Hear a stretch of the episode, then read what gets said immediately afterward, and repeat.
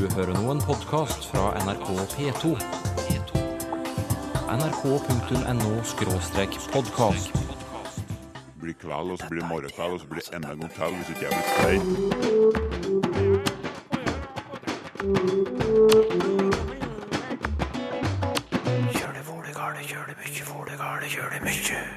I urindoeuropeisk fantes språklyder vi ikke har lenger. En av de er en glottislyd, en sånn liten strupelyd. Kan du demonstrere? Ja, Kanskje er ordet lapskaus opprinnelig norrønt? Kasa, eller kausa, er et gammelnorsk ord. Og vi diskuterer en gjenganger jeg tenker. Det er feigt, men det er også sabla nyttig, vil jeg si. Hvordan kan man rekonstruere et mange tusen år gammelt språk når det ikke finnes noe skriftlig materiale på det språket? Her er et forsøk. Hest, så sterkt, så grhum wokum weged, so meghum bottom, so degemonum hocu bedded.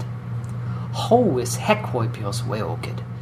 Dette er en rekonstruksjon av urindoeuropeisk, som vi fortalte om eh, i Språkteigen forrige gang. urindoeuropeisk ble snakket rundt 5000 til eh, 3000, kanskje 2500 før Krist. De moderne indoeuropeiske språkene stammer alle fra urindoeuropeisk. Og siden norsk tilhører de indoeuropeiske språkene, så gjelder dette oss også. Den amerikanske språkforskeren Andrew Beard er en av dem som har forsøkt å gjenskape urindoeuropeisk, slik du nettopp uh, hørte. Det var han som leste. Og i den lille historien møter vi noen hester og en sau, forteller språkprofessor Michael Schulte. Ja, det er jo litt pussig. Altså, den handler jo om en, en skal man si, en sau uten ull, altså en beskåret sau, som ser hester eh, som eh, går forbi, tydeligvis, som bærer en tung vogn. Og eh, da sier søyen til disse hestene, det gjør meg vondt å se dere når dere bærer disse tunge lassene. Stakkars dere. Så svarer disse hestene til denne vesle søyen, det er noe som gjør oss vondt, og det er å se en søy uten ull. Det er mennesker rundt denne søyen bærer varme ullklær og varmer seg om vinteren. Historien ble diktet opp midt på 1800-tallet. Århundret da språkforskerne oppdaget at det måtte ha eksistert et slags felles opphav, et moderspråk, for de moderne indoeuropeiske språkene. Sentral i denne forskningen var tyskeren August Schleicher. og Det var han som rekonstruerte den lille urindoeuropeiske fabelen. Og siden da har denne teksten vært sånn en slags målestokk for fremgangen i den indoeuropeiske språkforskningen, ved at man etter det man har funnet ut, eh, modifiserte den. Altså, den teksten er faktisk blitt eh, omtalt og rekonstruert på ny kanskje tolv ganger. For da Schleicher skrev teksten, tok han utgangspunkt i det eldste språket man kjente til akkurat da, det indiske sanskrit. Siden oppdaget forskerne bl.a. hetittisk fra tyrkisk område, det er enda eldre. Og med funn av andre språk og andre tekster har det vært mulig å forbedre rekonstruksjonen av urindoeuropeisk igjen og igjen. Så det er en veldig kompleks historie med mange språk, og alle disse språk på en måte bidrar, når man altså ser på de som indoeuropeiske språk, til denne rekonstruksjonen. Ja, ja, Hva er det man finner i disse ulike språkene som danner et slags sånn fellestrekk, som gjør at man kan trekke den konklusjonen at her må det være et felles språk som ligger bak? Nettopp. Altså, man begynner naturligvis å da å lage det som Schleicher gjorde, og det var i utgangspunktet veldig produktivt, og senere, selv om det senere måtte også modifiseres, og, eh, å lage et stamtre, en stamtremodell på en måte for å kunne tilbakeføre f.eks. en form som sanskrit bratar og gammelnorsk broder og uh, norsk bror, til eh, noe som ligger uh, som er felles for alle disse tre formene, som man kan si er altså opphavsform. Og hvis man gjør dette med hele språket, med hele eh, vokabularet, for å si det sånn, så kan man komme fram til en systematisk eh, rekonstruksjon og også etablere lydlover, ikke minst. Og lydlovene beskriver hvordan lyder kan forandre seg fra ett språk til et annet, fra en tid til en annen. Michael Schulte trekker fram et kjent eksempel, tallordet 100, som på latin heter kentum, og på sanskrit shatam. Vi har jo som kjent et, ur, et ord som begynner med H, og så spurte man seg da f.eks. hvordan kan det henge i hop med uh, kentum og shatam, og så etablerte man en lov som uh, sa at det finnes to grupper indoeuropeiske språk. De ene er kentum-språkene, som har utviklet en K, eller beholder denne, en palatal K i begynnelsen av det ordet, og de andre har utviklet frikativ sj satem i iransk og shatam i sanskrit. Så begynte man på en måte å samle og sortere og lage skuffer for de uh, ulike formene og de ulike språkene, og, uh, og, etablerte lydlover. Og kanskje også det er en ting som gjenstår for fremtiden, å presisere enda mer disse de forholdene mellom de forskjellige uh, indoeuropeiske språkene. Mm. Det er en prosess som ikke er avsluttet. Men forskerne har altså kommet så langt at de lager rekonstruksjoner av urindoeuropeisk. Og kan si noe om hvilke trekk som var typiske for dette flere tusen år gamle språket. Ja, typiske trekk. Altså når man sammenligner sånn, vil man først legge merke til at eh, dette språket har mer konsonanter enn vi er vant til. Det har blant annet uh, konsonanter for lyder som kv, gv, gu, til og med aspirert. Og det har disse laryngaler. Det fantes iallfall tre slags laryngaler, kanskje flere. Laryngaler er konsonanter som sannsynligvis ble laget nede i halsen et sted, kanskje med strupehode. Laryngaler er veldig komplekse lyder som vi har store problemer med antagelig å uttale, og en av de er en glottislyd, altså en lyd foran vokal, en, som vi også har automatisk når vi uttaler et ord som begynner på vokal. Altså la oss si nettopp automatisk så ville den første lyden være en sånn liten strupelyd. Kan du, kan du demonstrere? Ja. Når man holder på strupen, da ville man føle når man sier ah, at man har en liten innsats, en plosjon, for å si det sånn. Men du, som du også nevnte, har nevnt, så er det fremdeles mye usikkerhet knyttet til hvordan urindoeuropeisk hørtes ut. Ja. Hva har forskerne håp om å finne som kan bidra til å fylle ut bildet? Det er naturligvis det som vi antydet litt, disse, disse mystiske konsonantene, f.eks. laryngaler, og presisere laryngalteorien, altså teorien om disse konsonanter som må ha vært der, som vi vet så lite om. Disse tre laryngaler som eh, også f.eks. i den teksten av Bird, ordet for ull, heter der, hvis jeg uttaler det på en eh, på min måte Urchner, som har tre laryngaler i denne grunnkonstruksjonen. Det er naturligvis for oss voldsomt. Mm. og altså i den retningen kan jeg kan tenke meg at rekonstruksjonen kan også forbedres. Og uh, Andrew Bird er ikke den siste som kommer med et forslag. Og naturligvis, når vi snakker om et språk som er et levende språk, som har en gang vært et levende språk, så må det ha hatt naturlige setninger. Og det er et faktum at vi til den dag i dag vet ikke hvordan en naturlig setning med en naturlig syntaks ser ut i indoeuropeisk. Så her ligger det utfordringer fremover, men ikke nødvendigvis alle som kan bli besvart. Noen sider ved ur-indoeuropeisk får vi kanskje aldri avdekket, sa Mikael Schulte, språkforsker og runolog ved Universitetet i Agder.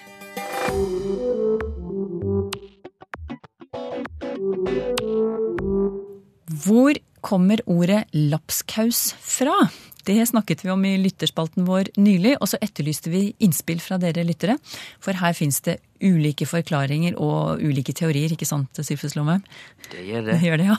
du, du mener jo det er så å si sikkert at vi har det fra engelsk, men resten er usikkert. Men du, kort oppsummer din favoritteori før vi går videre. Ja, det er jo ikke bare at det er fra engelsk. Det ser ut som de aller fleste er samde om det.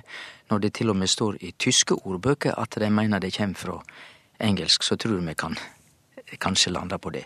Og fra engelsk så er det ingen tvil om at eh, da peker alle spor rett til Liverpool.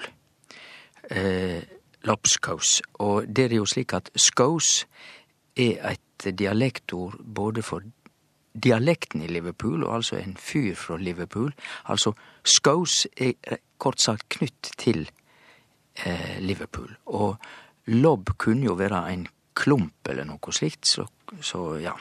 Jeg skal ikke gå mer inn på det, men, men dette er såkalla Liverpool-forklaringa. Ja, Vi har jo fått flere e-poster fra lyttere, og noen er enig i akkurat det du sier der, med Liverpool og Scouse og denne klumpete matretten. De tror absolutt at det kan være noe en person fra Liverpool slurper og har slurpet i seg. Men eh, så kommer vi til noe som både du og jeg syns var ganske interessant. Astrid Vestvik Nilsen lanserer en teori om at ordet lapskaus opprinnelig er skandinavisk. Mm. Og at det er lånt inn i engelsk. Og hun viser da til den nære kontakten mellom Liverpool og nordiske sjøfolk opp gjennom tidene. Og da er tanken at lapskaus det var en billig resterett for arbeidere i lavstatusyrker, som f.eks. sjøfolk. Mm. Og at Liverpool-dialekten skaus er en lavstatusdialekt, som derfor har fått navnet sitt fra lapskausen. Hva syns du om den forklaringen, Sylfest? Ja, den kan ikke uten videre forkastes, fordi det er et historisk faktum at norske vikinger var mye i dette området, og det er flere ord, både stadnamn og i allmennspråket, som skriver seg fra norrøn, altså gammelnorsk påvirkna i området. Og da er det interessant at det også går an å påvise at ikke skaus, men kasa eller kausa, er eit gammelnorsk ord, og det skulle tyde ein, ein litt blanda gryterett mm. i gammelnorsk. Og ja. da, det passer jo på en prikk. Så hvis det er riktig, så har både Skaus og alt dette Liverpool-dialekttalet egentlig opphavet sitt i et norrønt ord som er lånt inn, kanskje. Mm, det er en spennende tanke. Jeg kan også nevne at lytter Svein Kvaløy jr. han har sjekket både norsk, tysk og engelsk Wikipedia, og henter bl.a. ut en teori om at ordet lapskaus kommer fra Latvia, der labs causis skal bety en slags kjøttgryte, og et lignende ord fins også i litauisk. Hva tror du om det? Ja, det passer jo også når det gjelder både formene og meninga som det litauiske og latviske ordet har. Men det trenger jo ikke bety at vi har ordet fra latvisk og litauisk. Det kan like godt, og kanskje mer sannsynlig være at i tilfelle det samme ordet, så har de kanskje fått det fra Skandinavia. Og at det da også er det ordet som fanst i norrønt, i gammelnorsk. Så det, det lat, såkalla latviske og litauiske sporet kan være det samme som det norrøne sporet, egentlig. Det som iallfall vi kan oppsummere med som et faktum, er at dette ordet, lapskaus, det er et nordeuropeisk ord. Og når vi har fått det i moderne norsk, så har vi iallfall fått det tilbake fra England, og trulig ved sjøfolk. Og så er det et åpent spørsmål da om dette ordet faktisk har kommet fra oss i Skandinavia til Liverpool-området for lenge siden? Det er et åpent spørsmål. Mm. Men jeg kan jo legge til at uh, takker for dere som har eh, kommet med innspill og teorier. Og dere gjør dere absolutt fortjent til et Språkteigen-krus for det. Så det kommer i posten snart. Og mens vi har snakket om lapskaus, Sylfest Lomheim, så har vi fått besøk i studio. Velkommen, Toril Oppsal. Takk skal du ha. Du er språkforsker ved Universitetet i Oslo og skal være med og svare på lytterspørsmål i dag. Hva forsker du på, Toril? Du, jeg er tilsatt på det som heter Institutt for lingvistiske og nordiske studier. Der er det særlig norsk som andrespråk jeg har ansvaret for å drive med. Men det mm. jeg er interessert i å forske på, og har gjort en del av, det er språkbruk blant ungdommer i flerspråklige bymiljøer. Og så har jeg også en bakgrunn som en av lytterne deres kjenner godt, som Tor Erik Gjenstad. Jeg har jobba i Norsk ordbok. Så hvis jeg skal si dette veldig kort, så er jeg opptatt av talespråksvariasjon. Ja, Norsk ordbok, der finner vi jo både dialektord og, og nynorske ord. Det gjør vi. Mm. Det var litt om deg, og mens uh, du har fortalt litt om deg selv, Toril, så har jeg funnet fram uh, første spørsmål. Jeg, jeg, tenkte jeg skulle la det gå til deg. Uh, er det greit? Det er det. Vi skal ta for oss en gjenganger. Å tenke. Eh, Det har vi fått spørsmål om før, og, men lytterne blir, har inntrykk av aldri lei av å snakke og diskutere akkurat dette her. Nå er det Elisabeth Høie som noterer seg at hun sjelden eller aldri hører folk i radio og fjernsyn mene eller synes noe eller tro noe. Disse tre verbene er byttet ut med å tenke, skriver hun. Hva tenker du om, spør journalisten. Jeg tenker at, svarer intervjuobjektet. Og så spør hun hva tenker Språkteigen eh, om dette. Hva syns du, eh, Toril, om denne måten å bruke verbet Ja. å tenke på? Hva tenker Toril? Jo, Ja. du, jeg, dette er jo en eh, observasjon som mange har gjort, og det ser ut til å skape en del engasjement. Jeg lurer på hvorfor dette verbet er så populært som det er. Ja. Og det handler nok om at det tilbyr en form for pakkeløsning.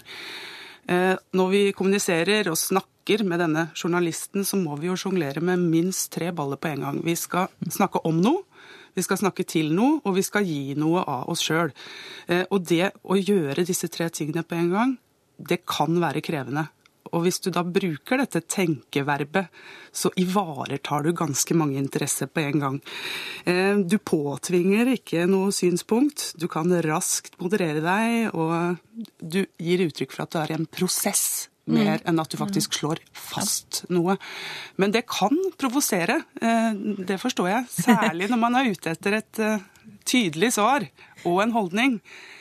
Men du, jeg, jeg øh, opplever, eller jeg mistenker at det kanskje er andre vi journalister som introduserte denne måten å, å spørre på, mer enn at intervjuobjekter plutselig har funnet ut at de skal svare at de tenker alt mulig rart. Eh, Det høres ut som en eh, god tanke. Eh, For dette gjør jo at du er, du er nødt til å gi uttrykk for en prosess. Du er nødt til å fortelle noe mer enn et svar.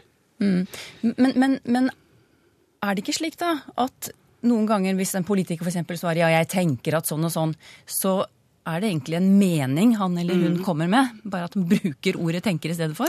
Eh, Det er det god grunn til å mene eh, i mange sammenhenger. Men likevel så slipper man da å slippe katta ut av sekken, og man kan bevare eh, ansikt både overfor dem man snakker om, og dem man snakker med. Sy- Hva, hva, hvorfor tror du det er så mange som tenker, i stedet for å mene og tro og synes og sånn? Jo, jeg tror at Toril har forklart det veldig fint. Eh, fordi eh, det er et sekkeord, og så har det den fordelen at det er et forferdelig feigt ord. Hva mener du med det? Ja, fordi at eh, du du kommer ikke tydelig fram med hva du mener. Og derfor er det feigt. Det er sånn lettvint. Eh, men det er òg ingen tvil om at det har overtatt for de tradisjonelle verba å meine og å tru og, og synast. Og jeg er Det kommer jo fra engelsk 'I think that', så det er den engelske bruken som har erobra norsk språkbruk.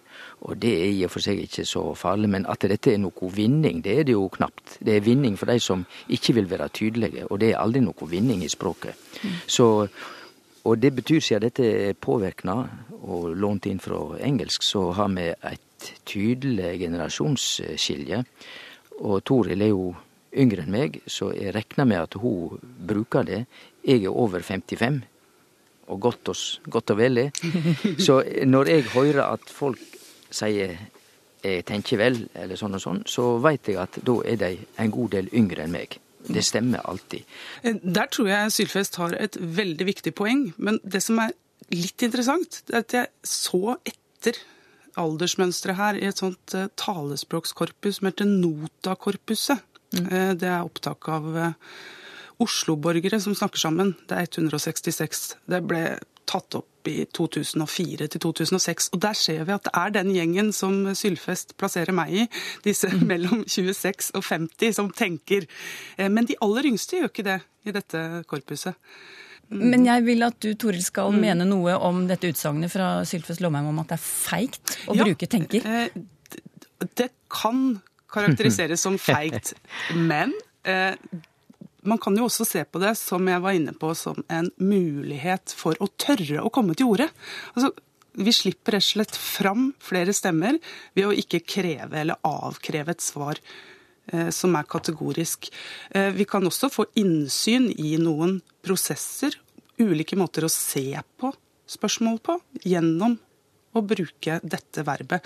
Så det er feigt, men det er også sabla nyttig, vil jeg si. Vi setter strek der, så kan jo folk diskutere videre med sidemannen hvis de ønsker det. Paul Andersson skriver om sentrum og sentra. Og her kommer utsagnet som han har eh, merket seg. Mange store byer har trange sentrum. Dette ble sagt eh, i forbindelse med temaet kunst i offentlige rom. Mange store byer har trange sentrum. Men spør Paul Andersson, burde vedkommende ha sagt sentra? Toril? Eh, nei, ikke nødvendigvis. Altså, nynorskformen her, av ubestemt form flertall, er sentrum. Så her har vi rett og slett en helt grei form på norsk til å uttrykke dette her. Men spørsmålet er om det faktisk er flertallsformen som er relevant her. Eh, har disse byene flere enn ett sentrum? Kunne vi kanskje se for oss et trangt sentrum, eller en trange sentrum?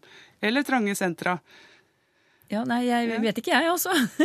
Nei, men det, det, er, det er artig at eh, det gleder jo et nynorskhjerte at i dette tilfellet, når vedkommende bruker trange, som du Toril sier, og det er flertall, og så trange sentrum, og mener da flere, så er det nynorskbøyinga som for en gangs skyld slår igjennom i bokmål. Og det er jo det er vanlig at det er omvendt, at bokmålsbøying påvirker nynorskbøying. Fordi at i bokmål så skal det ikke være flere sentrum, det skal være flere sentre eller sentra. Så vedkommende har jo rett i at det ikke burde ha vært sentrum, men et annet ord. Men selvsagt, logisk sett, så er ikke det mer enn ett sentrum i en by.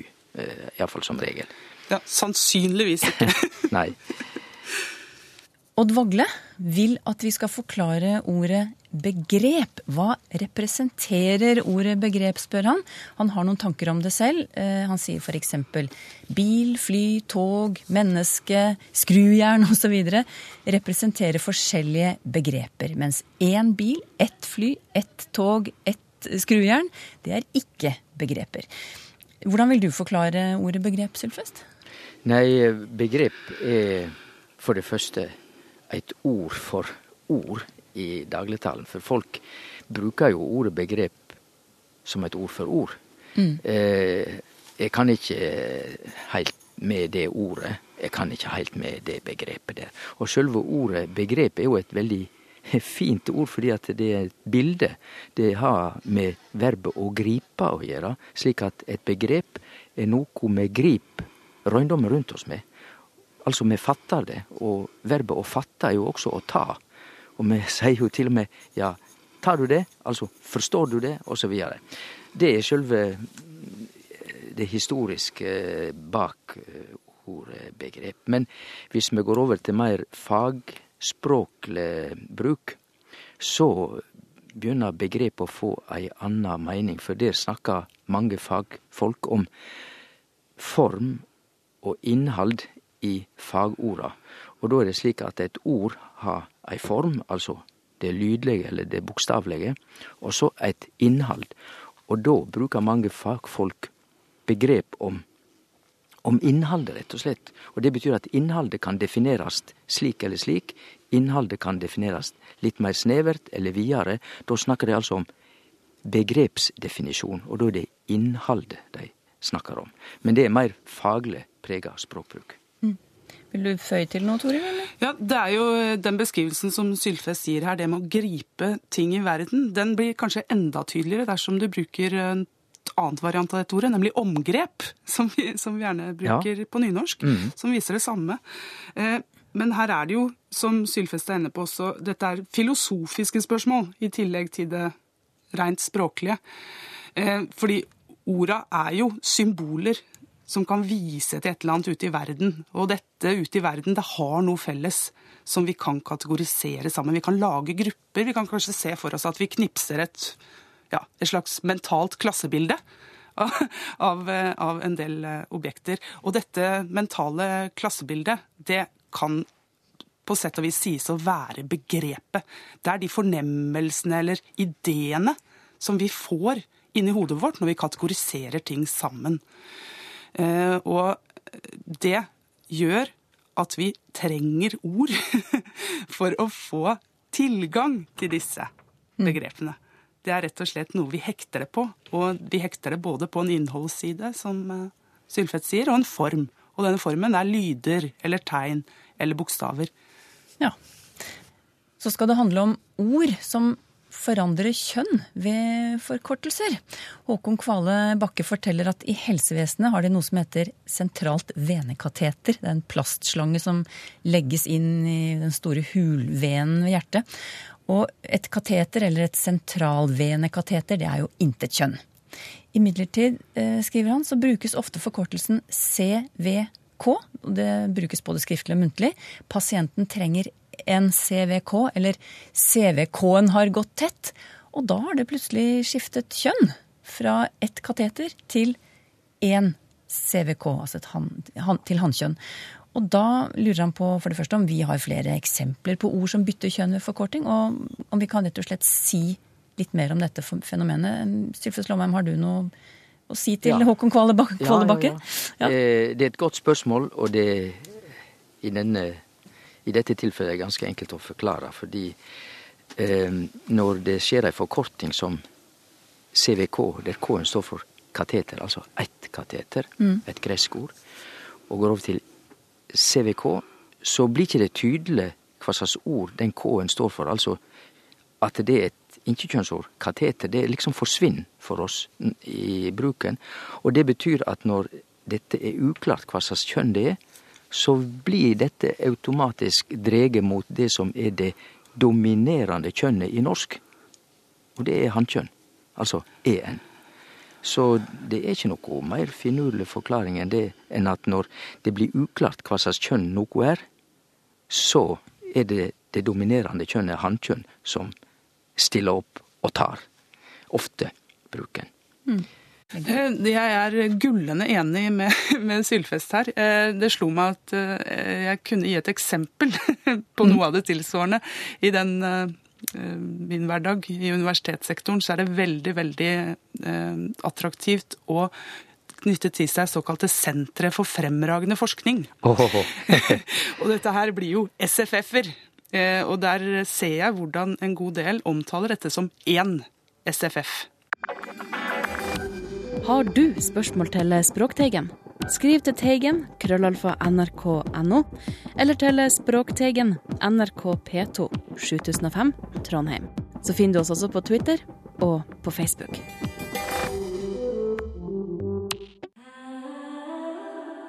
nrk.no podkast.